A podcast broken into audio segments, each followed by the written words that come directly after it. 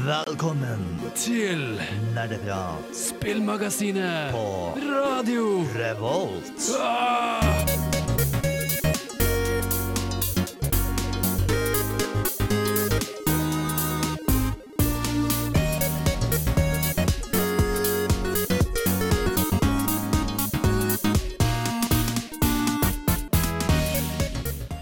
Hei alle sammen, og velkommen tilbake til en ny episode med Nerdprat. Vi er tilbake i studio nok en gang. Vi sa forrige uke at vi skulle ha om Idol-spill denne sendingen her, men vi løy. vi, vi, skal ikke det likevel, fordi Tai er ikke her, og vi trenger Det var. Tai som løy, egentlig. Ja, det var Tai. Um, vi trenger Tai fordi vi skal mobbe han for hans, uh, for hans fullstendig avhengighet av Cookie Clicker og hvordan det ødela livet hans. Absolutt. Og når han ikke er her, så er ikke det like gøy. Så vi har bestemt oss for å ta en tematapas i stedet. Ja. Bare for å kose oss litt eh, og chille. Jeg er da Håkon, jeg er programleder, og vi i studio er Tor Magnus. Også på teknikk har vi Bård. Bård. Og jeg tror vi egentlig bare skal hoppe rett i det. Vi skal starte med, som vanlig, å snakke om hva vi har gjort siden sist. Men vi skal høre også en låt før det. Vi skal høre Isabel Eberdeen med 'Focus On You' her på Nerdprat på Radio Revolt. Vi skal nå høre fra en mann som er veldig langt unna hva han syns om programmet Nerdeprat på Radio Revolt. Nerdeprat er veldig gøy! Vi snakker om nerdeting og dataspill! Sånt liker jeg! Det stemmer. Vi snakker om nerdeting og dataspill her på Nerdeprat, og vi skal jo som vanlig gjøre det nå også, for vi skal snakke om hva vi har gjort siden sist, og for så vidt spilt siden sist. Bård, har du lyst til å starte? Uh, ja, Uh, det er en ting jeg skal unngå å prate om, som jeg håper jeg får prate om litt senere i sendingen istedenfor. Men uh, utenom det, jeg har spilt litt med Assassin's Creed. Fortsatt veldig underholdende spill. fortsatt små ting som plager meg og alt mulig sånt. Men jeg har ikke spilt det på et par dager, fordi noe annet har bare helt oppslukt all tiden min, og det er Factorio. OK. Har noen av dere spilt Factorio? Nei. Hørt mye om det fra Ja, andre du har snakket om det før, har du ikke? Godt mulig. Ja. Jeg, jeg har ikke spilt det så mye. Men uh, altså det er spill hvor du lager en fabrikk, egentlig. Hvor du liksom uh, organiserer produksjon av ting, sånn at du til slutt kan, kan sende opp en rakett uh, for å skaffe forskning eller Jeg tror ikke du liksom prøver å unnslippe planeten, jeg tror du bare skal liksom sende opp en rakett. Mm. Du starter liksom ingenting. Så du må finne kull, jern og kobber og sånne ting. Og så etter hvert lage mer og mer komplekse ting. Og da plasserer du samlebånd rundt for å liksom prøve å lage da en fabrikk. Hvordan, hvordan, hvordan ser spillet ut, holdt jeg på å si? Er det strategi? Nei, altså det er Altså, jeg vet ikke, det er ikke noe Det er litt strategi i sånn hvordan du plasserer ting, men det er veldig lett å bare flytte rundt på ting Ja. etter hvert også. Ja, OK. Anbefales. Hvis du er interessert i sånne type ting. Jeg tror det er veldig fint for de eh, som f.eks. studerer ingeniørfag. De kan få fort ha sans for dem. For de som ikke er så interessert i sånn type spill, så hold deg unna, fordi du vil ikke finne noe særlig der, egentlig. Nei, ja OK. Da holder jeg meg unna for nå. Men veldig- fortsatt gøy å høre om. Ja, det er veldig mye optimalisering og sånne ting. Ja. Riktig. TM. Jo, um, det gikk uh, fortid i Hollow Night uh, på Steel Soul Mode, som betyr at du ikke dør. Eller hvis du dør, mener jeg, så, så er du ferdig. Inntil i døde igjen. Ah. Uh, siden da så har jeg ikke fortsatt det. Hvor døde du denne gangen? Eh, nå døde jeg til Hornet Sentinel, som er den andre Hornet Ah, så du døde Kingdoms Edge. Ja. Ja. Ehm, så det var litt sånn, ja ja, OK, det er greit. Jeg gikk liksom inn og følte at jeg var ikke helt forberedt på kampen, men jeg kan prøve, og hvis det ikke går, så har jeg en unnskyldning til å fokusere mer på leksene mine. Det jeg har lært med Hornet Sentinel, er at der, på det tidspunktet så er du såpass sterk at hvis du bare kjører jævlig ham, så kommer du til å drepe henne før hun rekker å drepe deg. Du trenger ikke å heale. Det er sikkert veldig sant, Ja. men greia er det at jeg er så flink til å hoppe på fiendene mine. Jeg liksom oh, ja. løper på de og, og tar skade av å bare være liksom i samme frame som de, uten at de egentlig angriper. Det var litt problemet mitt med drømmeversjonen av Zote første gang jeg Ja. sloss mot han, fordi jeg tok mer skade av at jeg måtte løpe på han Ja. enn når han angrep meg. Mm. Så det er Ja, det, Ja, ja. Husker også at ikke alle har samme spillestil som deg, da, Håkon. Hva mener du? Nei, for så vidt. Oi. Det, det, altså, det, er, det er ikke alle som bare kan gå og angripe og gå vill på den måten. Noen foretrekker litt mer taktisk spillestil. Jo da, sikkert, men, men hva er poenget med det når Descending Dark gir deg invulnerability frames? Jeg, det er for lenge siden jeg spiller, for lenge siden jeg spilte spillet til det. jeg har noen kommentar til det. Eh, jeg kan, vi kan gå over til hva jeg har gjort siden sist. Eh, jeg har spilt litt mer Tatt opp Spelunky igjen. Og det Én eller to. eh, Begge, faktisk. Eh, vil, ville ta en liten tur tilbake til Spelunky 1. Fordi jeg merket at jeg likte Spelunky 2 veldig godt, men var litt sånn usikker på det fortsatt. Og da har jeg faktisk ikke fullført Spelunky 1 ennå. Fordi det, det er veldig vanskelig. Og det er jo i hovedsak da at for litt sånn stressmestring eh, at jeg spiller Spelunky nå. Jeg driver og jobber med bachelor og sånt. Har endelig funnet oppgave og pensum jeg skal bruke. Eller ja, litteratur jeg skal bruke. Så da trenger jeg, eh, bare for å lære å roe ned nervene litt bedre, så har jeg spilt Spelunky. Fordi der må du liksom legge egoet ditt vekk fullstendig. Fordi hvis du dør, så er det som regel din feil. Og det, men det er veldig gøy, i hvert fall. Utenom det så har jeg også Jeg har oppdaget eh, et ganske Det er for så vidt ganske populært, da, eh, har jeg hørt, men Deep Rock Galactic heter det. Ja. Eh, der forestiller dere om du, du tok eh, Du har et klassesystem med forskjellige typer karakterer du kan velge mellom. Det er multiplayer-spill. Og så har du, eh, når du går gjennom dungeons og sånt i Minecraft, miksa med horde combatet til Left for Dead. Er det ikke veldig mye av spillet at du skal liksom grave ting selv også? Jo, ikke sant? Det, så, og det er jo Minecraft, basically. Ja. Men det er i hvert fall veldig kult. Jeg har kost meg masse med det. Ehm, spiller med et par venner hjemmefra. Ja. Bare, du, kanskje verdt å nevne også det er mye mer komplekst enn Minecraft. Det er mye mer ting du kan gjøre for å liksom, transportere deg på tvers av eh, liksom, gap, altså, eller luft og sånne ting. Ja. Så det er eh, ikke helt så, så simpelt som Minecraft. Nei, nei, nei, det er det ikke. Men uh, likevel, det er sånn Jeg liker det veldig godt fordi det er en slags blanding av uh, avslappende spill. Når du, når du bare graver deg gjennom, så er det veldig rolig og chill. Og så fort det kommer hordes, så bare skriker man og er megastressa. Fordi da kommer det folk som liksom tar tak i deg og flyr rundt med deg. Det er ganske gøy. Anbefaler det. Jeg har sagt det nok. Eh, vi skal høre låt. Vi skal høre Smerts med 'Flashing'. Nerdenytt.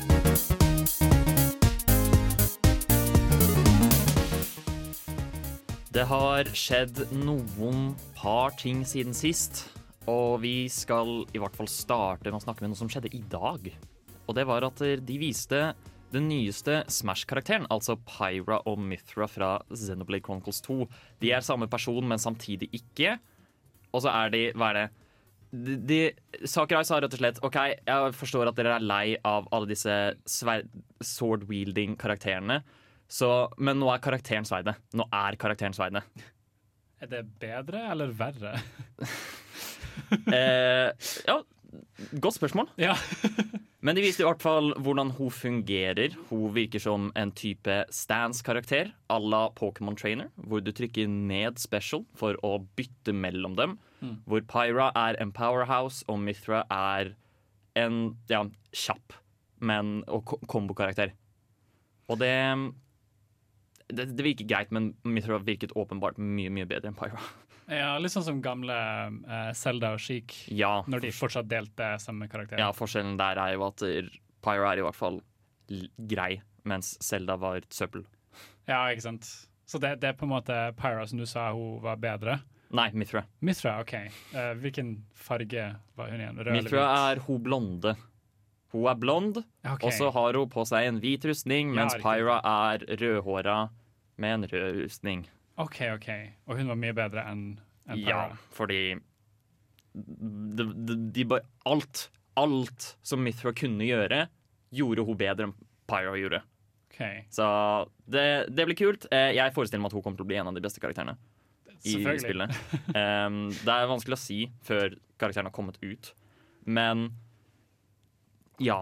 Det, så det, det er i hvert fall kult uh, å se en ny karakter. En ting jeg også da vil snakke om, er at de viste også Som tradisjonelt de gjør på slutten av directen, så viser de nye Mi-kostymer. Mm. Som du kan spille med Ja, du kan ta mine dine, og så kan du ta på dem kostymer og bla, bla, bla. Og da deconfirma de rett og slett eh, en karakter jeg hadde håpet skulle komme i Smash på et eller annet tidspunkt, og det er Monster Hunter. Veldig Veldig trist. Eh, det var nedtur. Jeg ble lei meg av det, men sånn går det. Du har i hvert fall waifu smash alltid der. Ja, har uh, sword waifus. Uh, har vi noen idé om hvilke som er da planlagt framover? Nei, ingenting. Det, det er ingen Det, det, det kan være hvem som helst. men det er, ingen, det er liksom god indikasjon på at det kan komme? Nei. Nei, OK. Jeg, jeg, jeg hadde i så fall tenkt at uh, Jeg tenkte f.eks. i fjor at der, de kom til å vise At de kom til å annonsere Doomguy. Fordi de hadde tenkt til å vise en ny karakter nesten rett før Doom Eternal kom ut. Og da var det sånn Å, nå viser de det, men så viste de Byleth fra Fire Emblem. ja, stemmer det. Det var nedtur. Eh, og, så, hadde jeg tenkt nå at det, oh, Monster Hunter er jo faktisk rett rundt hjørnet. Det kommer 26. mars. Nå, de kommer sikkert til å annonsere en karakter til det. Så deconfirmer de det nå. I disse Smash-kostymene. Så det er jo leit. Mm. Videre, eh, annen nyhet vi kan snakke om, er at dette er noe som folk har gledet seg masse til, og nå har de endelig fått det typ uoffisielt. Og det er eh, El en Elden Ring-trailer har lekket ut på internett. Og den ser Altså, den, den er jo ekte. Åpenbart. Ja, den ser ganske ekte ut. Eh, jeg var først veldig sånn pff, Nei, det her er ikke ekte. Fordi jeg så bare sånn seks sekunder eh, fra noe som var på Pressfire, Mm. eh, som så ut som det var filma med en gammel hestesko. og det var sånn, nei, det her, jeg tenkte ikke noe mer over det. Men så så jeg den mer lengre videoen, og det så jo plutselig mye mer legit ut. Du har liksom de døråpningsanimasjonene yeah. som de er kjent for i From Software. Så det er litt spennende. Litt spennende. Det inntrykket jeg fikk Jeg forsto ikke så mye av hva som skjedde sånn egentlig, men inntrykket jeg fikk er at dette er Dark Souls, hvor du kan ri på hest og hoppe. Ja, det var det som folk flippa mest utover. var sånn, Was that jumping I saw? Ja. For det er noe som alle i Dark Souls har veldig lyst på. Ja, hva mener du? Man kan jo hoppe i Dark Souls. Praktisk talt ikke, da. Nei, du har ikke en Ja, hvis, du sprinter, hvis du sprinter, så kan du, eh, i hvert fall i de tidligere spillene, double tap og roll. Ja. Og da tar du et lite kort hopp Mm. for å komme deg eh, ja, litt sånn smålig plattforming av og til. Ja, men samtidig var det veldig clunky. Ja, Det funka ikke så bra. Nei, det jo ikke det. Det var litt sånn dårlig mapping eh, på de eh, gamle der, i hvert fall. Mm. Ting som ikke burde vært på samme knapp. Sånn, Ja. Men Så, men det ser i hvert fall lovende ut. Altså, er det med Dark Souls, så klager ikke jeg, liksom. nei, helt enig. Jeg tror vi er i veldig samme båt der. Ja. Så, og, og så er det jo Det er faktisk George R. R. Martin som har skrevet historien, så det er jo også spennende. Folk, folk på internett klager over at han ikke fullfører uh, Game of Thrones-bøkene. Ja, det, er, det er derfor Ellen Ring tar så lang tid, fordi han bruker så lang tid på å fullføre historien. Ja, han er involvert i litt for mye, tror jeg. Ja, ja. ja. Uh, vi skal ha mer nyheter etter vi har hørt Pixie med Electric Dream. Ikke fuck med meg! Jeg har kraften til Gud og nerdepar på min side. Men hæ?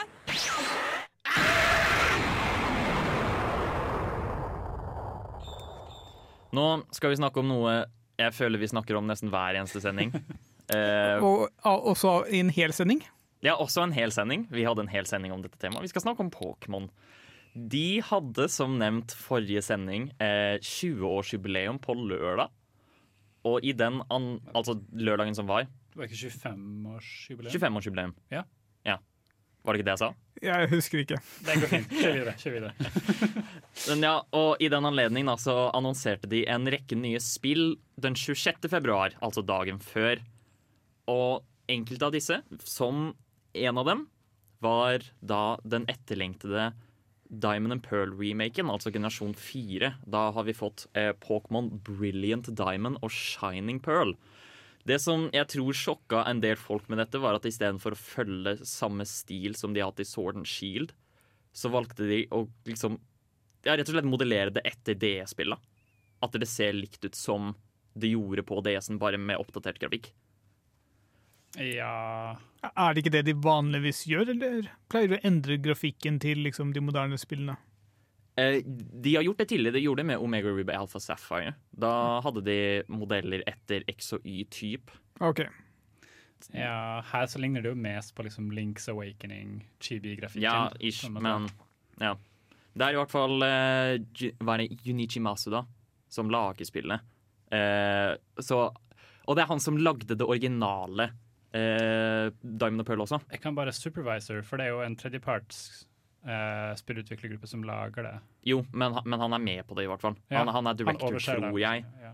eh, for akkurat dette prosjektet her. Og så han vil jo på en måte fikse babyen sin. Ja, så han vil ja, lage det klart, som klart. det er. Ja. Jeg har også en teori. Eh, det kan være at mottakelsen av Sword Shield er en av grunnene til at det, den avgjørelsen ble tatt. ja.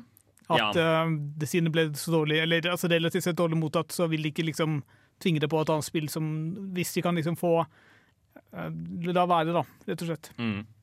ja. Det, personlig så gjør det ikke meg noe som helst. Eh, jeg tenker så lenge vi får generasjon 4 med oppdatert battlesystem, så går det fint for min del, fordi oh my god, generasjon 4 er så tregt. Det tar så lang tid. Pleier du å oppdatere sånne ting når de gjenutgir spillene? Ja. OK. De, de oppdaterer alt med det utenom liksom handlingen og Pokémonene du møter. Og historien. Ja. Ja.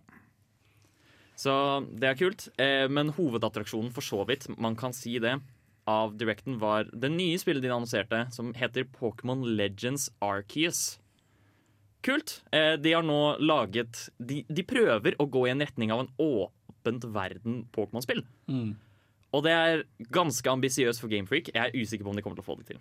Ja, du tok ordene rett ut av munnen på meg. Eh, jeg vet at jeg er mye mer skeptisk enn du er Ja. til eh, om de klarer å få dette til. Eh, fordi på det punktet her så er jeg liksom veldig oppgitt over Gamefreak. Men vi får se. Det er for tidlig å si før det kommer ut.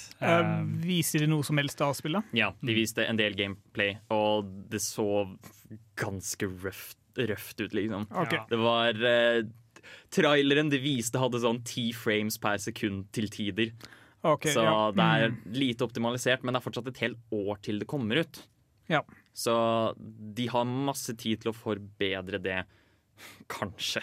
Og det gir jo også mulighet for å få tilbakemeldinger på om folk er generelt interessert i det igjen, eller om folk bare er det her hater vi. Altså Ja. type det som skjedde med Sonic. Hvis de finner ut at alle sammen hater det nye spillet deres, så kanskje de går tilbake og prøver å fikse på det til før de gir det ut, da. Men skeptisk. Ja, jeg er også skeptisk, men kanskje. Kanskje. jeg syns det er kult. Ehm, de virker det er også får Arkis endelig sitt eget spill. Vi får lov til å fange han på lovlig vis nå. Ja. Kunne man fange han på ulovlig vis? Ja, eh, Det var en event med han hvor du kunne fange han, men den, kom, den ble aldri liksom sluppet ut offisielt. Men du fikk jo tak i det gjennom hacking, Å ja, så klart. så, så det klart. var mulig å fange han, men aldri lovlig.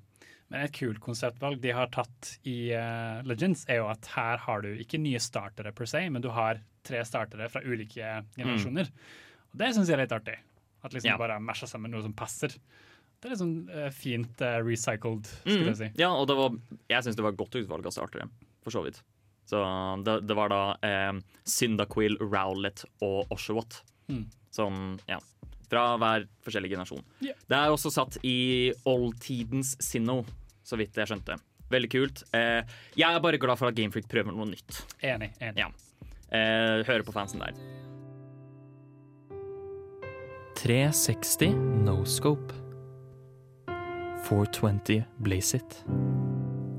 Mom, get the camera. Nerdeprat på Radio Revolt.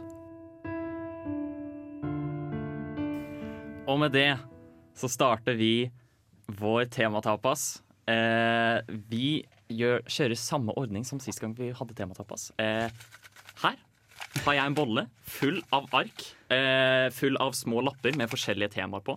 Vi skal trekke et tema, og så skal vi snakke om det. TM, vil du ha æren av å trekke første lapp? Skal jeg trekke fra The Bowl of Magic. Vi kan også presisere for så vidt at um, det, vi, vi trekker kun denne her Ja. eh, nå. Resten blir trukket under låt, så Ja. dere slipper å bruke tid på det. Da ASMR. ser Bård stygt på meg mens jeg trekker den. Ja. Vi kjører på. Hva står det på denne lappen, TM? Første lappen står det 'Du er en spillkarakter for en dag'. Hva gjør du, og hvorfor? OK. Um, det var en start. Det var en start. Er det noen som har et åpenbart Ja, svar her? jeg har det. Oh, ja, okay. Eh, jeg gjør det motsatte av det jeg egentlig burde gjort. Så hvis jeg for eksempel blir Super Mario, så kidnapper jeg en prinsesse istedenfor. Eller løper, løper bort og bare gjemmer meg. Oh, ja, så, så ikke, ikke nødvendigvis at karakteren er så viktig, men bare handlingen. Nei, altså Jeg prøver å gjøre det, det motsatte av det, det som karakteren gjør i spillet. Ja, Bare for komisk effekt. ja bare for å ødelegge ryktet deres. Ja. Fuck Mario. Jeg er så lei av at han får så mye At han er så populær og sånt. Ja, Han skal bli kjeltring. Ja.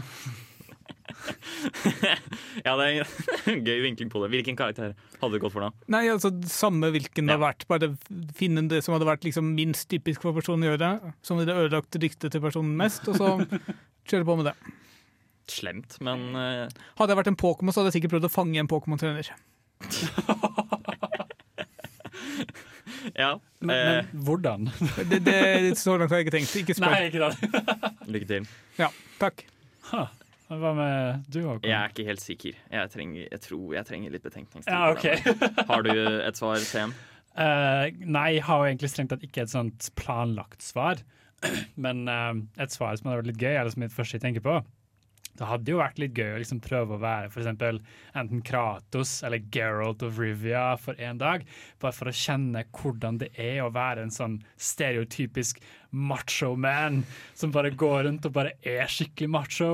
Som du aldri har liksom strekt en dag i ditt liv. Men du du- er skikkelig macho. Jeg, jeg, jeg syns det er bold av deg å være sånn Jeg har lyst til å være Kratos. Aner du hvor mye lidelse den mannen har gått gjennom? Hvor forferdelig liv han har? Greit at du er mandig, men det er bare fordi han må være det. Han bærer alle syndene sine. OK, Håkon. Hvis du skal dra den, greit. Du vinner. But still. Altså, TM glemte jo den mannligste mannen overhodet. da. Det er jo uh, hovedpersonen fra Hunipop. Selvfølgelig. selvfølgelig. Ja, faktisk absolutt Chad. Vet du hvor mange trekanter jeg hadde da jeg spilte inn Honeypop 2? 25. Ikke sant? Så det, det, er den, det er den karakteren du ville vært? Oi, der, kanskje det. Ja. Trenger jeg det, da? Trenger jeg å være Men, men Bejult Bejeweled Altså, tenk på bare få Bejult inn i livet ditt. Bare tenk på det. Å, det er faktisk et godt poeng. Jeg tenker på det ofte nok som det er.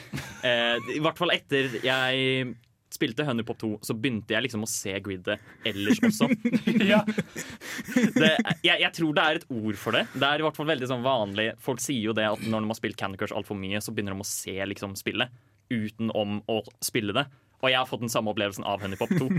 Så det positive med det kunne eventuelt vært at å, jeg får lov til å spille ja, Biggold når jeg vil. Jeg tror det kalles å være syk. Nei da, nei da, det går, det går helt fint. Jeg tror vi skal gå videre. Vi skal gjøre Guilty Garden med Easy to Mitt navn er Bare Egil. Du hører på radio Revolt på internettmaskinen din.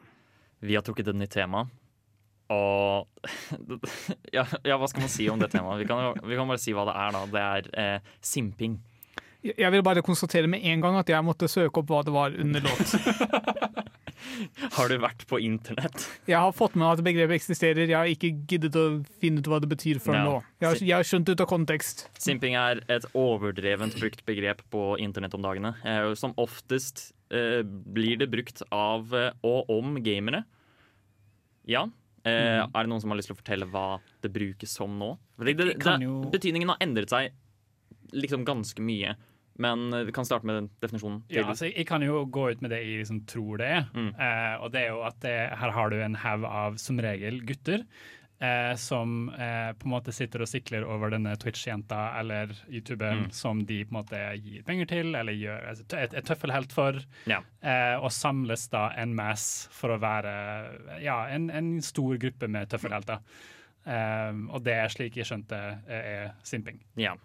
Jeg kan jo si hva som Urban Dictionary sier i definisjonen, og det er at når en eh, tanke om en kvinne overtar eh, hodet ditt, sånn at du gjør ting du ikke ellers ville gjort. Det, ja, ikke sant? ja, OK. Det er, det er Urban Dictionary sin Ja. definisjon. At du liksom er så forelska at du bare glemmer det sjøl, liksom, og du bare gjør alt for, Ja. for henne eller Ja. henne. Eller, ja. Og det er, sånn, det er gjerne også selv når du ikke kjenner personen. Sånn som alle disse Twitch-personlighetene. Ingen av de kjenner deg, Nei, men de sant. donerer likevel dritmye penger til dem. Ja. Da, er, da blir de kalt en simp. Eh, folk har begynt å overbruke begrepet. Da, så det har til og med blitt liksom, til en greie at du blir kalt simp om du bare er snill med en jente. Ja, riktig. Fordi Eh, det har ikke betydd det samme hele veien. Nei. Eh, simp før var rett og slett eh, at du På samme måte som at du gjør overdrevent mye for en jente, men si, når du blir kalt en simp, så var det liksom i bytte mot at du, håper du får et ligg. Det, det er derfor du gjør det snille. Litt sånn nice guy Ja. trait. Ja, riktig. Uff. Så Nei, det er OK, OK. Så det har utviklet seg over Ja, tid? og nå har det bare liksom omtalt seg Ik- Ikke nødvendigvis at du forventer et ligg engang, bare at du um, skal få Bare at du vil gjøre det mot dem fordi du er så At du simper for dem. Du er så betatt for dem, ja. Ja. Så det har jo på en måte utviklet seg i en positiv retning, da, kan du si. Hvis du ikke forventer noe lenger. Eh, ma- definisjonsmessig ja, men bruken av det nei. Fordi som nevnt så har det bare blitt til en greie at folk kaller deg en simp hvis du bare er snill. Ja, for det er jo litt overdrevet. ja, hvis, du, hvis det er noen som eh, skriver et eller annet, og så eh, Hvis det er en jente som skriver et eller annet på internett, og så bare kommer du med en snill tilbakemelding tilbake, eller noe sånt, så er de bare sånn der Å, lol, simp, ha-ha. Fy faen. Down bad. Haha, morsomt. Da høres det jo mer ut som, de, som at de bare er sjalu. Er Liksom, her er det noen som spiller kortene riktig. La oss kalle han. Eller at folk bare antar at du alltid har eh, andre motiver når du gjør ting. Ikke sant, ikke sant. Jeg tror det også bare har blitt kult å være slem på internett igjen. Det, det har alltid vært kult å være slem på internett. Ja, men liksom, det har blitt betydelig mye kulere nå. Ja. Eh, av en eller annen grunn. Kan eh, ta videre til litt annet i forhold til dette. da Er det noen dere simper for? Eh, nei, jeg vil ikke si det. Sikker? Jo, nå skal du høre det. Pokimane Nei da. Eh, altså, jeg har jo tatt meg sjøl på å liksom subscribe på en YouTuber eller en Twitch-personlighet eh, som jeg syns var søt. Mm. Men så har jeg på en måte innsett det med en gang og vært sånn Jeg syns jo egentlig ikke det de spiller, er noe interessant. Så jeg kommer jo aldri tilbake til det, liksom. Så det, jeg vet ikke om det er noe alle gjør, eller om jeg står her alene om det, men jeg kan Um, si såpass. Jeg husker det var en, kall det en stjerne da på TikTok, som heter eh, Emma Langevin, eller Gengar GF, som hun også kalles. Eh, bedre kjent som The Jersey E-Girl. Eh, og hun, jeg tror hun lastet opp én video, og så bare tok hun av, liksom. Fordi folk var sånn der Å, herregud. Hun, hun, hun har e-girl-estetikk, men hun snakker Jersey-aksent. Morsomt. Digger det. La oss simpe. Mm. Eh, jeg var halvveis en av de. Ja, ikke sant. Ja, men jeg forstår det, altså. Før jeg, før jeg innså at hun er egentlig ikke så morsom. Jeg syns ikke hun er så veldig morsom. Nei. Passer ikke helt min type humor. Men eh, fortsatt, fortsatt en hyggelig, Ja. hyggelig jente, da. Det, det, det, det skal hun ha. Ja. Hva med deg, Bård? Nei. Ingen. Nei. Bård er ingen simp! Nå kan, nå kan vi jo også prøve å være litt progressive og si at det er jo greit å simpe i alle mulige retninger. Jeg, her er jeg, jo... nærmest oppfordrer folk til å være simp. Ja, OK. Kult. Støtter den. Eh, fordi det, det er Det er ikke noe farlig med det. Eh, så lenge du ikke forventer noe. Ja. Eh, så lenge du ikke forventer at disse internettpersonlighetene skal ha sex med deg, eh, eller at de skylder deg noe som helst fordi du er snill mot dem. Så lenge du bare er en simp, en snill simp, så er det ikke noe galt i å simpe. Helt enig. Martin, gutten min, du må komme deg middag! Å, mamma! Jeg kan ikke sette på pause nå! Jeg er midt i en heftig episode av Nerdeprat! Vi har trukket gull, vi har trukket drama. Dette var Bård sin. Han, dette var den han sa på starten at han hadde håpet vi skulle få snakket om. det var det ikke, faktisk. Det Å, ja, det er noe det? annet Oi. jeg har uh, håp om å snakke om. Men det her er en nyhet som har skjedd ganske nylig. Eller det har pågått egentlig ganske lang tid, uh, så jeg har ikke alle detaljene i hodet. Og jeg har satt opp noen uh, nettlesevinduer for å hjelpe meg. Men det handler om en utvikler ved navn Frogwares. For de som ikke vet, kjenner til det, så er det de som bl.a. har utviklet de moderne Sherlock Holmes-spillene. Som jeg har likt veldig godt. I tillegg så har de utviklet et spill som heter The Sinking City, som er da det som det her det hele angår. Det er et slags Cthulhu-spill. Jeg har Ja, ennå ikke ja. undersøkt spillet så mye. The Simping City? Nei da, Nei. beklager. Nei. Vi er, vi er ferdig med simping. TM, slutt. Så uh, det som har skjedd, er at uh, så klart en utvikler og utgiver har en uh, kontrakt om diverse ting. Det jeg vet ikke vi noe særlig om, men tydeligvis har det oppstått uenigheter. Eh, utgiveren, Nacom, eh, eller Frogwares mener utgiveren deres, Nacom, har ikke betalt dem det de er uh, pliktig å gjøre. Så det har blitt et eh, retts... eh, altså gått til retten i Frankrike, tror jeg. Uh, og underveis i dette her er det det, det interessante har skjedd. Fordi uh, mens de er i retten, så har Frogwares bare fjerna spillet fra Steam. For, å, for sånn at de ikke kan få flere in inntekter. Det har retten sagt at nei, det får de ikke lov til å gjøre. Men Frogwares nekter å gi det ut på nytt igjen. Så det som da har skjedd, er at um, Nacom i mellomtiden De har uh, jeg, jeg husker ikke helt hvordan de fikk tak i spillet, men de har fått tak i spillet på en eller annen måte, og så har de hacka det. Fjernet DRM eller noe sånt, sånn at de kan laste det opp på Steam selv. Uh, I tillegg så har de inkludert en DLC som Frogbears mener de ikke har uh, rettigheter til å laste opp. Og nå tror jeg, det, så vidt jeg har skjønt, så er siste nyhet at Steam har fjernet det spillet igjen pga. en DMCA, altså KBB opphavsrett-krav fra Frogwares. Fordi visstnok så er de de som har fortsatt opphavsretten til spillet. Herregud. Ja. Eh, og en eh, For nå som jeg kom på Jeg kom på litt mer detaljer om liksom den første uenigheten. Fordi Visstnok så ble Frogwares bedt om å gi kildekoden av spillet til Nacom, sånn at de kunne få en annen utvikler til å utvikle et konkurrerende spill. Oh. Påstås det. åh, I tillegg til at de ikke har betalt alt de pengene de Frogwares mener de skal betale. Så det er liksom både liksom økonomisk uenighet og også sånn IP, eh, altså in, in, intellektuell ei- eiendom-spørsmål. Som liksom, ja Ok. Gjør det hele veldig, veldig merkelig, veldig, veldig mye drama. Det, det, du sa det var årsaken til at de starta krangelen? Ja, altså, Grunnen til retten er de to tingene eller altså, Jeg vet ikke om nødvendigvis hva som er grunnen til retten, men det som kommer fram av uenigheter mellom selskapene, er i forhold til IP og eh, liksom penger.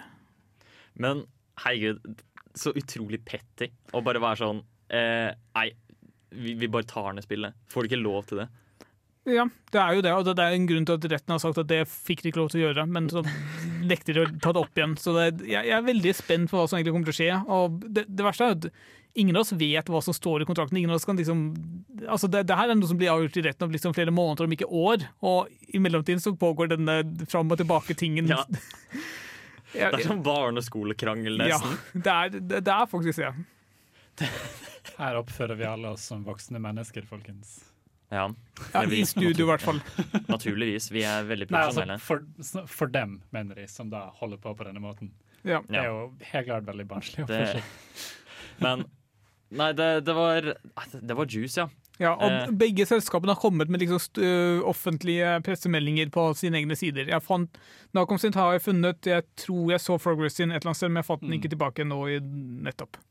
Nei, Så ja, drama. det var Jeg, jeg, jeg målløs. Ja, jeg også. Jeg, jeg satt og leste på dette liksom tidligere og bare hva, hva faen er det som skjer? Hva, Ja, Hvordan er dette mulig? Bård, før vi gikk inn i studio, så var Bård sånn um, har, har du virkelig ikke hørt om det her? Det er helt batshit, liksom. Ja, Fordi det har vært i nyhetsbildet sånn de siste fem dagene, tror jeg. Ja, sånt. ja, ja, nei, jeg har ikke vært på internett, Nei, sier vi. stemmer. Um, men fortsatt vilt. Det var, det var bra drama de tok med der. Eh, vi får håpe de Eller vi får se hvordan det går. Jeg liker veldig godt ø, utvikleren, så jeg håper de i hvert fall kommer seg helskinnet gjennom. Så får jeg håpe de ikke har gjort noe dumt. Ja. Vi skal høre låt. Vi skal høre Still Running. Nerdeprat på Radio Revolt. Vi har trukket en ny lapp, og vi skal snakke om våre beste flerspillerspillopplevelser. Er det noen som har lyst til å starte med dette? Eh, da ser alle på meg, så da kan vi begynne. det, Ja, Det det, det, var- det var for så vidt du som skrev ned dette temaet, Ja. så det er vel kanskje naturlig. det var det. Jeg tenkte først at dette var et kjempebra spørsmål, og så hadde jeg egentlig ikke tenkt på noe selv, men heldigvis så kom jeg jo på ting nå mens jeg satt og tenkte på det.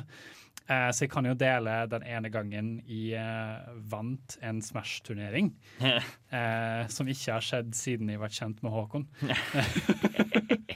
men, men før Håkon kom inn i Nerdeprat, så hadde vi, eh, rett før faktisk, Mm. så hadde vi en intern eh, Flaks der. Ja, ja. Huh.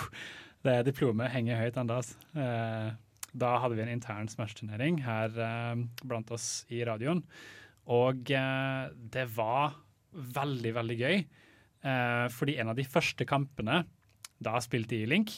Mm. Og så var det en annen fyr som spilte Ganondorf. Eh, et, eh, han, han het noe, kan jeg si navnet hans på radioen? Ja, jeg kan sikkert det. Yeah. Han er Trond. Eh, veldig kul fyr. Um, og så Det var på en måte Final Destination med en gang. Og vi bare gikk balls to the wall all out. Og vi var tydeligvis begge såpass gode at vi bare dodga rundt hverandre sånn hele tiden. Mens folk begynte liksom å rope 'dere skal treffe hverandre'. S Sikker på at dere ikke bare var eh, så dårlige at ingen av dere klarte å treffe. Må du holde sessen din litt tilbake foreløpig. Uh, men men det, det, var en, det ble en sånn lang kamp, fordi vi var tydeligvis såpass nært i liksom skill-nivå at ingen av oss hadde lyst til å dø. ikke sant? Vi var begge så close. Det kom ned til liksom last stock. Eh, og, så, og så Jeg satt der og til slutt og bare masha buttons tilfeldig. Dette må dere aldri si til han. Men det som gjorde at jeg slo han ut, var bare ren flaks. Fordi Ganondorf eh, Nei, unnskyld. Ivar var Ganondorf, han var Link. Der ser du, jeg husker ingenting. Eh, Ganondorf har et angrep hvor han kan måtte, dra opp foten sin, og så begynner han å brenne. Du og så slår du ned. Opptilta. Og dette gjorde jeg ved en feiltagelse. Men jeg traff, og jeg vant. Så, så hvis du Så, hører på noe, Trond, altså, så Det var en disrespect på flere måter enn én, fordi du drepte han også med Gandors verste move. Ja, OK, det er jo enda bedre. Uh, så det, det var intenst. Jeg spiller jo egentlig ikke Smash til vanlig. Uh, så det er jo kanskje enda mer eh, disrespect. No. uh, men det, det var en, en kul opplevelse for meg. Eh, og jeg endte opp med å vinne den turneringen, og det var veldig gøy. Eneste turneringen jeg kan si jeg har vunnet. Så det, det var en liten sånn brag fra min side. Det er fortsatt sterkt å ha vunnet. Det var i hvert fall Ja, jeg har ikke vunnet noen Smash-turnering, men nå har jeg også bare deltatt i én, og det var den, eh, den ene som var på Samfunnet i høst. det var ikke- Da var det veldig mange deltakere. Jeg kom ganske langt, Ja, men jeg tror eh, skill-nivået der var litt høyere enn vår internturnering. det, det var det nok. Det, det, å, det var gode spillere der. Jeg vil snakke om et veldig sånn sleeper hit-spill som jeg føler veldig få snakket om. Eh, som bare er en av de morsomste flerspillopplevelsene jeg har hatt, og det er spillet What the Box. Har dere hørt om det? Nei. Det er rett og slett Tenk deg en eh, multiplayer shooter hvor du løper rundt liksom på et map à la COD, eh, og så skal man drepe hverandre. Eh, greia er at alle er bare liksom pappbokser. Og banen er full av pappbokser. Det er ingen måte å se forskjellen på pappboksene, som vil si at du kan campe veldig lett ved å bare plassere deg blant pappbokser. Så du har bare alle spillerne camper, og ingen beveger seg? Og... Eh, du, fordi tingen er at Du kan ikke campe altfor lenge heller, fordi plutselig så begynner det å komme frimerker på deg. Eller klist, sånn klistremerker på deg. OK. Så det er strategi involvert, og så kan folk se om du liksom snur deg for å endre på siktet ditt og sånt. Men poenget da er at det var veldig veldig gøy, og der, jeg, jeg skrek masse. Fordi det er sånn du løper forbi, og så plutselig så er det en fyr som bare sitter der og venter på deg, og så skyter han deg. Og, og så blir man stressa. I tillegg så har man en kniv som lar deg løpe fortere. Og den eh, Det er taktisk bruk av den nå, fordi hvis du skal liksom komme deg inn på camperen, så bare tar du fram kniven, og så må du dodge kulene. Det er veldig intenst, og det er veldig kult, og jeg anbefaler det hvis du har lyst på en gøyal party-shooter med vennene dine. Hva Bård? heter det? What the Box. What the box, Okay. Har du noe her, Bård? Ja, eh, det skjedde egentlig ganske nylig. eh, to dager siden. Eh, for, for de som ikke har hørt så mye på Nerdbra, så har jeg vært veldig engasjert i MMO i nest, i et år, tror jeg cirka nå. Mm. Eh, så på tirsdag så klarte jeg endelig å drepe en boss på Heroic. Det vil altså si den nest vanskeligste vanskelighetsgraden. Altså et helt raid, så det er ti bosser. Um, som er ja, nest vanskeligste vanskelighetsgraden som finnes. Og det er noe jeg egentlig har gjort for første gang siden jeg begynte å spille MO for sånn evigheter siden. Ti bosser, var det det du sa? Ja. eh, vi, var, vi, vi satt fast på den siste i to eller tre uker, tror jeg.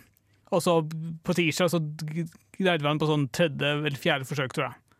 Det var helt fantastisk. Vi, gikk fra, vi hadde fått den ned til 17% tidligere, og så jeg tror det var andre eller første gang så fikk vi den, han ned enda lavere enn det, og så på fjerde eller femte så døde han. Og det var en veldig god følelse. Så fordi kult. Tilfredsstillende. ja, det er første gang jeg faktisk har klart et uh, Altså mens det er relevant. Som regel så har jeg gjort ting kanskje en oppdatering eller to etter hvor liksom du får ha bedre utstyr enn det som var tiltenkt da, men det var liksom første gang uh, siden jeg starta å spille hvor jeg faktisk var i en sånn situasjon. Som var veldig, veldig gøy. Mm. Spesielt når du deler med sånn 15-20 andre. Ja, det kan jeg se for meg. Gratulerer med det. Takk. Det var vel det vi hadde. Um, sjekk ut så, Igjen, eh, bare sånn siste før vi går til låt, sjekk ut What the Box. Mm. Nå skal vi høre musikk. Vi skal høre The Pricks med Nightlife Space. Du lytter til Nerdeprat fra Radio Revolt. You're listening to Nerd Talk from Radio Revolt. Um, vi har trukket et nytt tema. På den lappen så sto det bare dedikasjon. Ja. Dette var, oss, dette var Bård sin. Har du lyst til å utdype hva uh, ja, fordi jeg, jeg skrev opp det her som en annen som var egentlig det jeg snakka om på før låt, og det er uh, oppnåelser. Um, fordi jeg har um, For å Altså, når det er gitt i et raid, uh, i hvert fall fast eh, Du kan jo selvsagt bare gå inn i spillet og prøve å finne en gruppe der da, men som regel så prøver du å ha det fast, bare for å ha de samme folka som du liksom kan bli kjent med, prøve å liksom sole på og liksom vite at dere de vet hva man skal gjøre. Mm. Så uh, siden desember så har jeg vel viet sånn seks timer i uka, altså tre timer to kvelder i uka, på å få til dette her. Altså, vi har gått først liksom gjennom den vanlige versjonen. Det jeg klarte eh, på tirsdag, var eh, siste bossen på Heroic, og så har du Mythic i tillegg etter det, som jeg ikke ennå vet om jeg kommer til å forsøke meg på det hele tatt. Men ja, det, det tar mye tid, mye dedikasjon.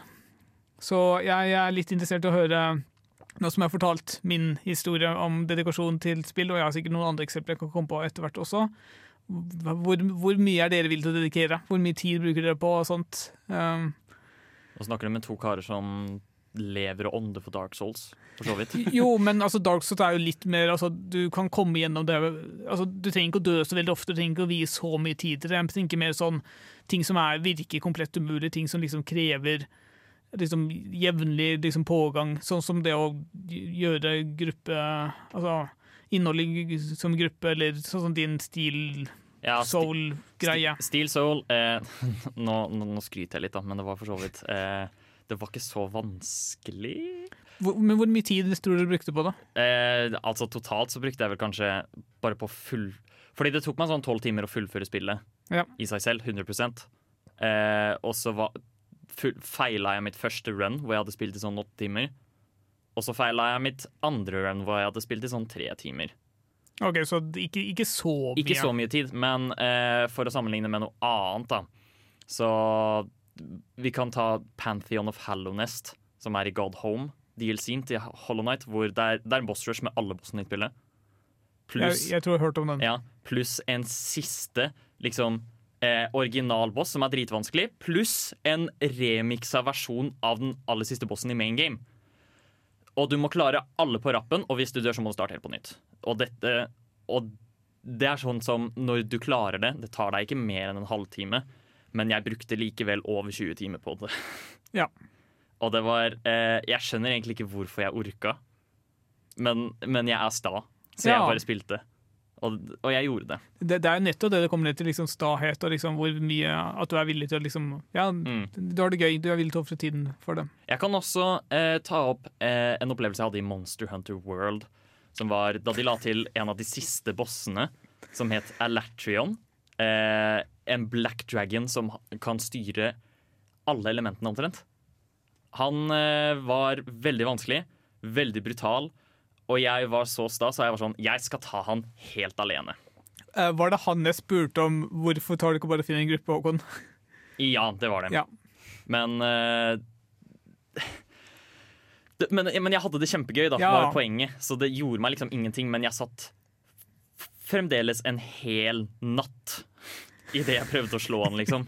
Jeg holdt på Jeg tror ikke jeg var ferdig før klokka fem, men da hadde jeg endelig slått han. Og da hadde jeg lært han ut og inn. Det var ikke mulig å dø til han for meg lenger. Men du satt vel ikke bare én dag med dette her? Jeg tror du Å nei, det, det var Fatalis. Det, det var det siste monsteret de la til. Okay, ja. Mm. Men Alatrion eh, Fatalis var for så vidt også en greie der, men da tok jeg i hvert fall pauser i ja, mellomtid. ja. Um, ja. TM, har du noe her? Jeg kjenner meg veldig igjen i Dark Souls-verdenen, og, og nå har jeg brukt litt flere timer i Hollow Night enn det du har.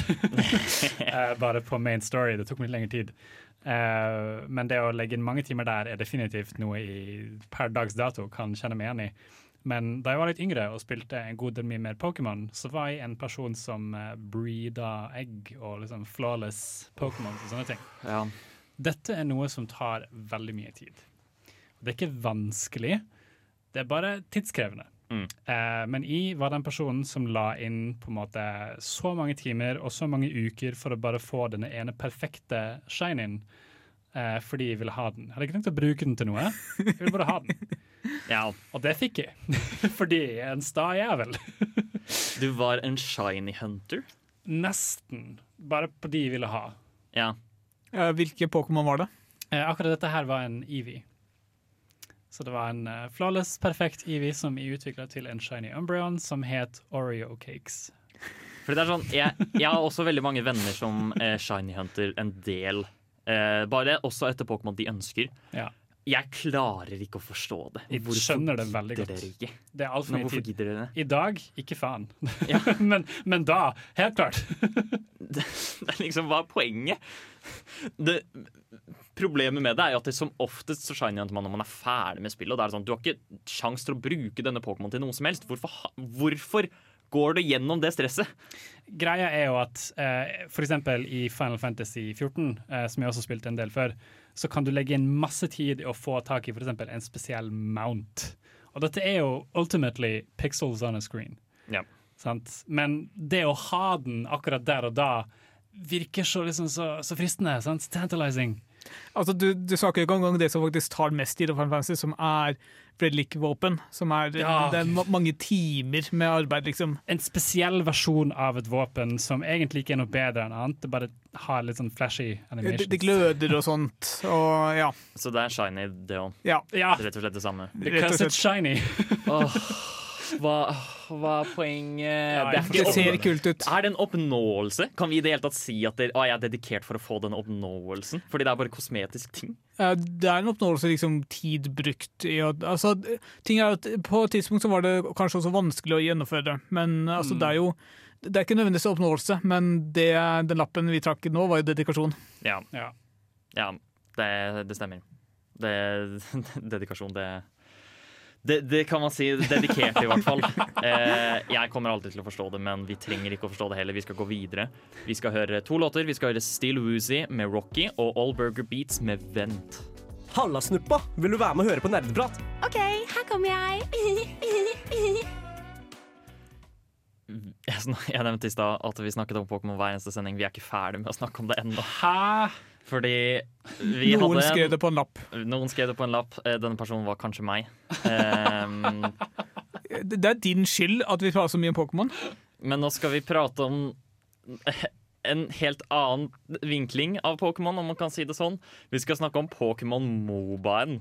Pokémon Unite, som de annonserte forrige sommer. Jeg ville bare ta opp den fordi vi har ikke hørt noe som helst fra den, men den har nylig gått ut i eh, closed beta. Oh. Som vil si at det, det er folk som har fått oppleve det og spille det. Eh, og det, de prøver å vise footage av det, men det blir tatt ned med en gang. Så vi får ikke sett noe av det. Men for de av dere som ikke vet, da. Pokémon har fått en Moba. Det ser ish ut som League of Legends. Og jeg, bare syns, jeg syns det er veldig merkelig miks. Er dette liksom Pokémon sin måte å prøve å liksom snike seg inn i alle sjangerne? Ja, det, det er vel strengt tatt det. Men det, det fungerer jo overraskende bra, da. Ja, det, tydeligvis. Fordi eh, standard for eh, sånne type spill er jo at man har liksom ja, fire spills og en Det kalles en ultimate og bla, bla, bla. Passer veldig godt inn i Pokémon når du har alle disse karakterene med forskjellige typer trekk og moves og angrep og sånne ting. Så da er det jo bare liksom Ja, ta inn eh, Charmander, da. La han levele opp under gamet og utvikle seg til Charizard etter hvert som han kommer til late game. Eh, når du pitcha dette her, så hørtes det ut som dette var helt dødt. Eller at vi ikke hadde hørt noe som helst. Ja. Men nå får jeg høre at for tre dager siden så var det liksom OK, lukket beta Ja. kommer. Jeg hadde regna med at det skulle være dødt. Jeg tenkte at Moba er noe utviklerne prøver seg på for å dø Eller altså Det er veldig få Mobaer som Eller de lykkes kanskje, men det er veldig få som folk faktisk snakker om. Ja. Det er liksom Dota, det er LOL, og det er til viss grad Smite, men Smite fordi det er annerledes. Mm. Og altså, og Heroes of the Storm fordi noen folk liker litt mer casual-spill, men altså ingen andre nevnes nesten. Nei. Og mange av dem bare dør ut, så jeg hadde godt skjønt om Pokémon sitt også bare døde ut. Ja, jeg tror ikke det kommer til å vare så lenge, men det kommer ut til mobil også. Ja, som det- er for så vidt en ganske stor sånn ting som kanskje får folk til å spille det. Ja, det, det spørs jo på lengden på rundene. Fordi jeg personlig jeg liker ikke mobilspill som varer Altså, Jeg vil ikke sitte og spille på mobil. Mobil er noe jeg kan bruke på en busstur Mm. eller liksom mens jeg, altså, mens jeg venter. Ja. Sånn type kanskje tre til fem minutter. Ikke, ti, ikke mer enn Ikke ti minutter mer. Men, det er, men da kan det være en sånn fin alternativ hvis du sitter for på flyplassen og bare venter. Ja, for så vidt. Eller på toget eller noe lignende, eller hva enn det er. Eh, Et, et sted hvor det er sånn, det er upraktisk for deg å ta av PC-en og begynne å jobbe med noe, men det er praktisk å sette seg ned og ta en runde Pokémon Unite. Ikke sant? Ja. Eh, Jeg husker ikke helt hvor mange spillere det var i en runde, jeg, og så, men jeg tror det var tre lanes på, som et 3v3-map i league. Ja. Nå har ikke jeg spilt så mange Mobaer sånn egentlig, ja. så jeg har ikke så mye erfaring med det, men, men den tre-lane-formelen virker til å være ganske standard, eller? Ja, Ut, ja for så vidt. Hmm. Så det Og jeg, jeg bare ville også ta det opp fordi jeg syns det var rart at de ikke viste noe som helst av det på denne eh, feiringen av 25-årsjubileet, når eh, Pokémon prøver å liksom presse alle disse forskjellige sjangerne ned i halsen på deg. De, fikk jo til slåssespill. Selvsagt får de til Moba også, tenker Ja. jeg, da. Pokken var veldig bra. Uh, jeg søkte opp, og det er fem, ved fem. Ja, OK. Og det er også kanskje verdt å nevne at det er utviklet i samarbeid med Tencent, som jeg tror er eieren av Riot, som er da League of Legends-utvikleren. Eh, ja, det, det er litt sånn smålig. Altså, de, de, de lager bra mobber, men de er jo imot Hongkong-protestene. Altså, det, det er litt merkelig at Tencent liksom utvikler en, hjelper til å utvikle en utfordrer til Rights in League of Legends, hvis Ja. de kjøper, altså, eier det også. Men det, er, det kommer for så vidt ikke ut til uh, Det kommer ut til Switch og telefon, tror jeg det var. Det kommer ikke ut til noen ordentlige plattformer i det hele tatt. Nei, bare Switch og telefon. OK. Ja. Det, det er interessant. ja det er veldig interessant. Eh, jeg bare gleder meg til å knuse lille Timmy med switchen sin, som gleder seg masse til å spille Pokémon Moba. Skal proxy han og bare fucke over. bare gjøre det kjipt for han, rett og slett. Fordi sånt gir meg glede. OK. Eh, det var det. Vi, vi skal høre låt. Vi skal høre Lyt med India. Oberst, jeg prøver å snike meg forbi vaktene, men lyden av min rumpeblafreng distraherer dem fra å lytte på nerdeprat. Neste tema er nok en gang et av mine temaer. Du har rigget systemet. Nå er det tilfeldigvis meg som trekker, men det er bare fordi Det, det er ikke tilfeldig. D- Dere kan trekke, dere òg. Diktator Håkon, kan du gå av, vær så snill? Eh, OK, da. Greit. Hvis du, hvis du vil være programleder, så go ahead, Bård. Det kan du gjerne Eh, være. Du kan fullføre denne sendingen. Eh, vi skal snakke om Animal Crossing trafficking. Hva som er jeg så pent har kalt det. det som Jeg, jeg, jeg vil bare diskutere liksom, den kulturen som har skjedd med New Horizons nå. Som er det å liksom bytte villagers eh, her og der og selge villagerne sine for myntenheter, rett og slett. In game currencies. Fordi du har veldig mange Du har et, en ny slags currency i dette spillet her som heter Nook Miles. Du får Nook Miles hver gang du gjør en eller annen simpel oppgave. Sånn som å, nå har du fanget fem fisker, da får du 200 Nook Miles eller noe sånt piece der. Og så kan du kjøpe noe som kalles en Nook Miles ticket for 2000 Nook Miles. Folk å, de spiller så mye Animal Crossing, ikke sant? så de, det er praktisk talt uh, bare lommepenger for dem. Eh, 2000. De har jo opptil liksom sånn 50 000-vis av eh, Nook Miles og masse sånne ting. Så de kjøper seg alle disse, og da får du en billett til en randomly generert øy. Og på denne øya så er det som regel en villager. Og da pleier folk å liksom kjøpe seg dritmange tickets, gå til disse øyene og få seg en populær villager, sånn at de kan selge den for andre ting. Sånn som for eksempel Å, jeg har veldig veldig lyst på dette møbelet. Jeg så det var på Nukason, som som det er en nettside som heter. Eh, la meg bare selge min villager, sånn at de kan få det. To spørsmål. Ja. En, eh, jeg har skjønt at du selger villagene dine Ja. til andre spillere. Ja. OK, så to Kan du ikke få tak i disse møblene alene? Må du bytte de med andre? Du kan få de alene. Problemet er at det kan ta veldig lang tid. Fordi det er helt tilfeldig når disse itemsa kommer i katalogen din. Og det kan også hende at itemet du har fått til din spesifikke øy, ikke har fargen du ønsker. ikke sant? Hva om du fikk et gult fyrtårn? Jeg vil ha brunt et. Da bytter jeg Da bytter jeg Hva heter den igjen? Em, da bytter jeg Marina for det. ikke sant? Rosa blekkspruten. Søte rosa blekkspruten. Alle vil ha henne. Så får jeg et uh, brunt fyrtårn i bytte. Men hvorfor bytter du ikke det gule fyrtårnet istedenfor? Fordi ingen vil ha det gule fyrtårnet. Hva er det du snakker om? Kjempestygt. OK, greit. Men hvorfor har de ikke bare gjort no- Nå vet jeg ikke hvem spillutviklerne er. Uh, Det er bare Nintendo. Ja, OK, bare Nintendo. Eh, hvorfor har ikke de bare gjort det slik at du kan velge fargen selv? Er ikke dette et spill som handler Nei, om liksom fordi de vil, jo, eh, de vil jo oppfordre til at man skal bytte rundt og sånt. Og det vil jo oppfordre til at folk spiller så mye som mulig for å få tak i den spesifikke tingen de skal ha, for å få den til per per perfekte øyen, så de kan feriere på under covid. Skjønner ikke at folk gidder det her, altså. Så Håkon, hvor mange landsbyboere har du byttet bort? Eller solgt? Jeg har, jeg har faktisk prøvd. Jeg har ikke klart å selge noen. Ok. Og det, og det er bare fordi jeg, Og jeg har hatt til og med noen populære villagers, men tilfeldig når jeg har solgt dem, så har det ikke vært noen kunder. Jeg synes det er helt vilt, fordi søsteren min, shout-out til Ada, hun selger villagers hele tiden. Og, og, og hun får dritmye for det, liksom. Så hun, hun bare kjøper seg hva hun vil. Hun er rik, praktisk talt. Fordi hun bare Hun har solgt så mange villagers. Eh, Rik i Animal Crossing, ikke sant? Ja, ikke i virkeligheten. Ja, okay. Så søstera di er en bedre pimp enn du er? Ja. ja hun er strengt tatt det. Eh, I tillegg, enda gøyere er at eh, vi, vi, vi prøvde oss på en annen strategi, jeg og Ada, mens vi var hjemme i juleferien. Vi tok eh, Vi skulle se om det gikk, da, og det var at vi kjøpte det som kalles et Amibo-kort. Mm. Eh, av en eh, Hvilken populær villager var det? Det var en po- ganske populær villager, i hvert fall. Stitches. Og så lastet På en måte fikk vi han til byen til Ada, og så solgte vi han. Og da var det bare sånn Du investerer kanskje sånn ja, 20 Nei, ish 150 kroner. Eh, eller nei, vi, solgte, vi kjøpte det på Wish, så vi fikk det for sånn 100. Mm. Men eh, Og da kan du bare liksom bytte den. Og så kan du bare få den på nytt igjen etterpå, ikke sant? fordi du har fortsatt Amibo-kortet. Så du kan selge uendelig mange stitches og få så mange ting du ønsker i bytte. Det er ganske fail-proof strategi. Det er ganske smart. Og når du da endelig får nok penger, ikke sant, så kan du kjøpe deg Raymond, som er den enormt populære katta som har to forskjellige farga øyer.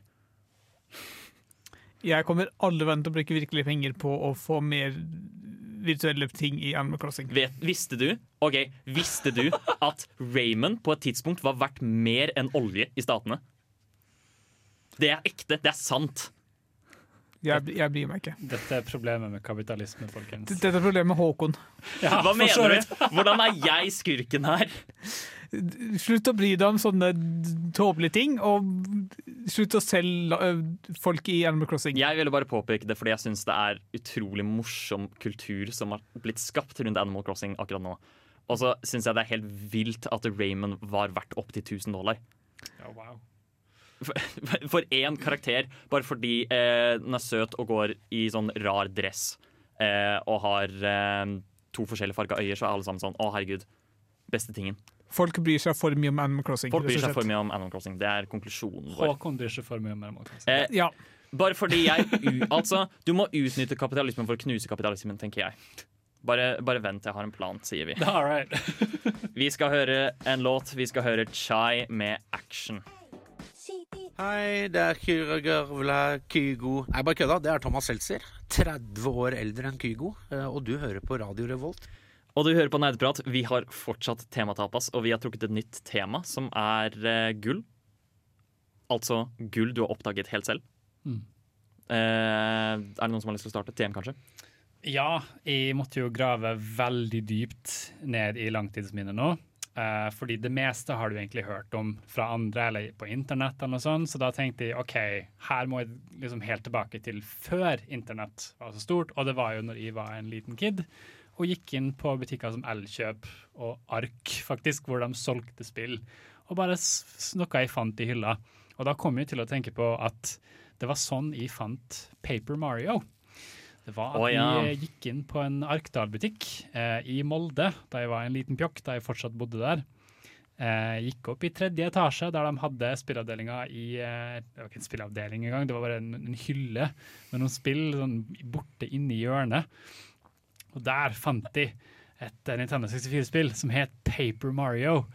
Og dette hørtes så spennende ut, så jeg kjøpte det. Eh, og så gikk jeg hjem og spilte det, og dette har jo ført til For jeg syns det var så bra. Dette har jo ført til at jeg i ettertid kjøpte Paper Mario and The Thousand Year Door, som er legendarisk. Eh, men jeg tror ikke jeg hadde gjort det hvis ikke jeg liksom hadde gått og leita etter Paper Mario selv. Og det var liksom mitt første møte med en slags RPG-Mario. Og det var jo dritbra. Mm. Jeg anbefaler, for du som da er en fan av Paper Mario Det er ikke det jeg skal snakke om, men også tilfeldigvis gull jeg har oppdaget selv. Som eh, internett har begynt å snakke mye om i det siste. Bug Fables. Som er Ja, eh, har hørt Mange beskriver det. det som en spirituell oppfølger til de klassiske Paper Mario-spillene. Ja. Og det er det for så vidt. Og det er veldig bra. Mm. Veldig, veldig bra. Hvor eh, de, de tar nesten en litt sånn Hollow Night-vri. Alle karakterene Mm. er insekter. Eh, hovedkarakteren er en veps. Og så har du ja, noen andre som jeg ikke helt husker hvordan jeg skal beskrive. En stag beetle og så en annen mage-aktig insekt. Veldig kult. Eh, veldig bra. Anbefaler deg det. Yeah. Og dere som hører på, hvis dere syns Paper Mario er kult.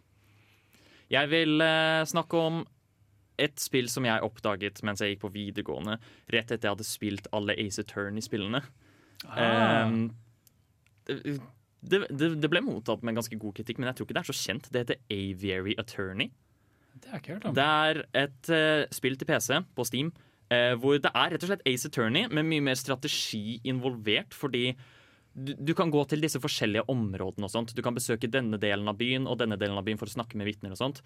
Men hver, hvert trekk du gjør, på en måte bruker litt av dagen, og du har så og så mange dager før rettssaken. Så hvis du gjør feil trekk, så kommer du ikke til å få nok bevis til rettssaken, og da kan hende du feiler sånn. Så du må tenke deg godt om. Den andre tvisten er at alle karakterene er dyr, og du er en falcon. Du er en ørn. Aviator Ja, Attorney. Aviary Attorney. Det er veldig gøy, veldig morsomt, og så er det satt liksom i eh, 1800-tallets Paris. Så det er, har veldig sånn gøy estetikk til seg også. Kjempegøy visuell, eh, visuell roman. Anbefales. Uh, for min egen del, jeg uh, følger altfor alt mye med på nyheter og spillutstyr og sånne ting, så jeg har ikke oppdaget noe selv på mange, mange år. Men hvis jeg går tilbake til barndommen, så gikk jeg uh, på en eller annen spillbutikk og fant Donald Duck Crack Attack. Yes!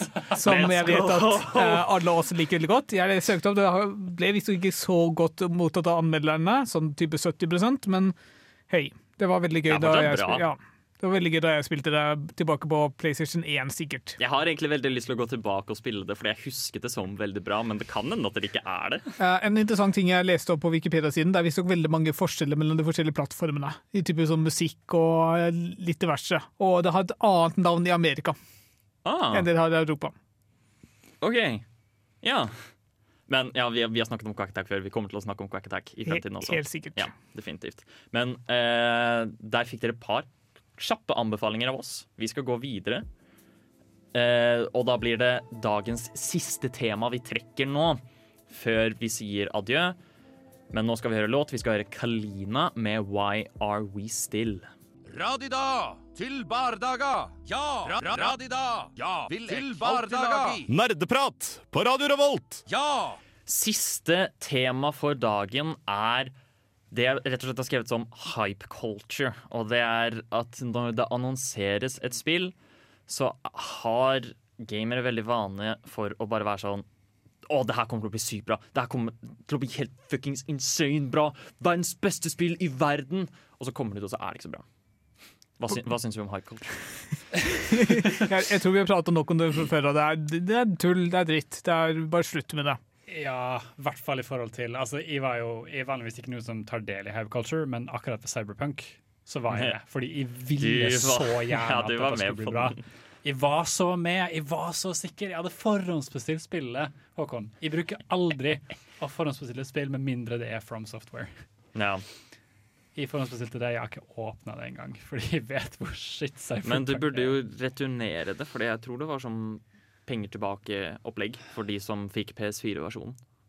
Samtidig så har jeg lyst til å støtte dem fordi det er CD Projekt. Du for, men Fortjener de støtten din akkurat her? Uh, nei du, um, ja, ja og nei. Uh, CD Projekt Red som en helhet er et av de bedre selskapene på visse områder. Uh, GOG er den beste butikken no noensinne, men uh, utviklingsdelen av det er, har fått rettmessig kritikk i det siste. Mm. Definitivt. De har det. Der, eh, jeg tenkte også Vi kan også snakke om Pokémon nok en gang her. um, og det er hvordan det, det, Fordi det er en del Tenk på hvordan Cells on Sword and Shield var, fikk så liksom dårlig mottakelse fra fansen. Så var det også en av de spillene som solgte mest. Og det er rett og slett fordi de kan produsere hva som helst, og folk kommer til å spise det opp. Ja. Og da er det sånn Da skaper du Det, er det syns jeg er en usunn form for hype culture, Fordi da er det ikke sånn um, Det er ikke veldig synlig hype. I form av at folk på internett liksom snakker om hvor bra det kommer til å bli. Det er mer sånn Vi simper for dette selskapet. Ja, men det er akkurat det jeg simper for CD Projekt. Ja. Jeg, jeg syns det er viktig å påpeke at uh, jeg, jeg har jo et ønske om at veldig mange spill skal bli bra. Jeg ønsker f.eks. At Mass Effect Trilogy skal bli bra, men det er ikke, jeg hyper det ikke. Bare OK, det kommer ut når det kommer ut, det kommer ut som det er. Jeg, bare, jeg ønsker det blir bra fordi jeg har lyst til å spille det. Mm. Og hvis det ikke blir bra, så spiller det kanskje ikke overhodet, eller jeg venter i hvert fall til det kommer på salg. Det, det, er, det er for så vidt helt naturlig å bare håpe at det spillet blir bra. Ja. Og glede seg til spill. Det er også vanlig, det er en viktig forskjell på det. Eh, men det å liksom tenke at det, å, dette spillet kommer til å være perfekt, 100% garantert. Særlig også når det har liksom mange advarselssignaler, sånn som Cyberpunk. Hvor det er sånn Å, nå har vi utsatt det dritmange ganger. Å, Cyberpunk har gått gold. Psych! Det er utsatt en gang til. Ja. Og det er bare Det er jo det CD Projekt gjør. Ja. Ja. Det, det, det, det stemmer for så vidt. det. La oss håpe de har bedre hell med neste spill. Ja, det, det får vi satse på. Um, det var et kort, lite tema der på slutten. Um, men jeg syns alltid det er gøy å snakke om uh, high culture fordi jeg hater gamere. Ja, samme her. uh, vi er straks ferdig, men dere skal få høre en låt først. Det, vi skal høre Paperdog med Where Do We Go. Radio. Radio. Radio. Revolt! Da var vi ferdig for i dag. Vi har snakket om en hel haug med ting i dag. Det har vært eh, artig, og jeg håper dere har lært noe. Eller bare hatt det gøy å høre på. Vi har i hvert fall lært mye om hvordan kapitalismen fungerer i Animal Crossing. Ja. Eh, handelsdrevet økonomi, det er jo det det er. Vi skal prøve å få til Idol-sending neste uke. Eh, så du får følge med på det, og kanskje spille Cookie Clicker hvis du har lyst til å ja, hva, skal man si, delta Ja. på sendingen. Vær, vær litt forberedt og vite litt hva du går til. Ja, for det da er forhåpentligvis Tai tilbake. Ja. Eh, har dere noen siste tips før vi sier adjø? Ja, eh, jeg har et veldig godt tips. Fordi når du eh, kommer ut av dusjen, så er du jo ganske klissvåt. Eh, da er det et ganske godt tips å ta et håndkle og faktisk eh, tørke seg med det håndkleet. Okay. Uh, slik at du ikke går ut og er klissvåt og kald og sånt. Men, men, men tar du håndkle uh, da, da vil jeg viderebygge litt på den. Det er viktig også at du tar på deg håndkle mens du står i dusjen. Fordi da slipper du å søle vann utover gulvet. Ikke mens du står liksom i Nei, altså dusjen. ikke mens dusjen er på, men når du har... står i dusjen. Ja, Ja. det er enda bedre. Ja. Før du går ut og det blåser overalt. Ja. og Ja. Ja. Bård? Eh, jeg er målløs. Eh, jeg kan ta mitt siste tips, og det er at vi er kanskje ferdig, men ikke gå noe sted. Fordi det kommer et program på etter oss som heter Postblues-kollektivet. Spiller mye kul musikk. Hør på de. Med det så får dere A Hero's Death av Fountains DC. Ha det bra. Ha det. Ha det. Du lyttet nettopp til en podkast fra Radio Revolt. For å høre flere av våre podkaster, gå inn på radiorevolt.no.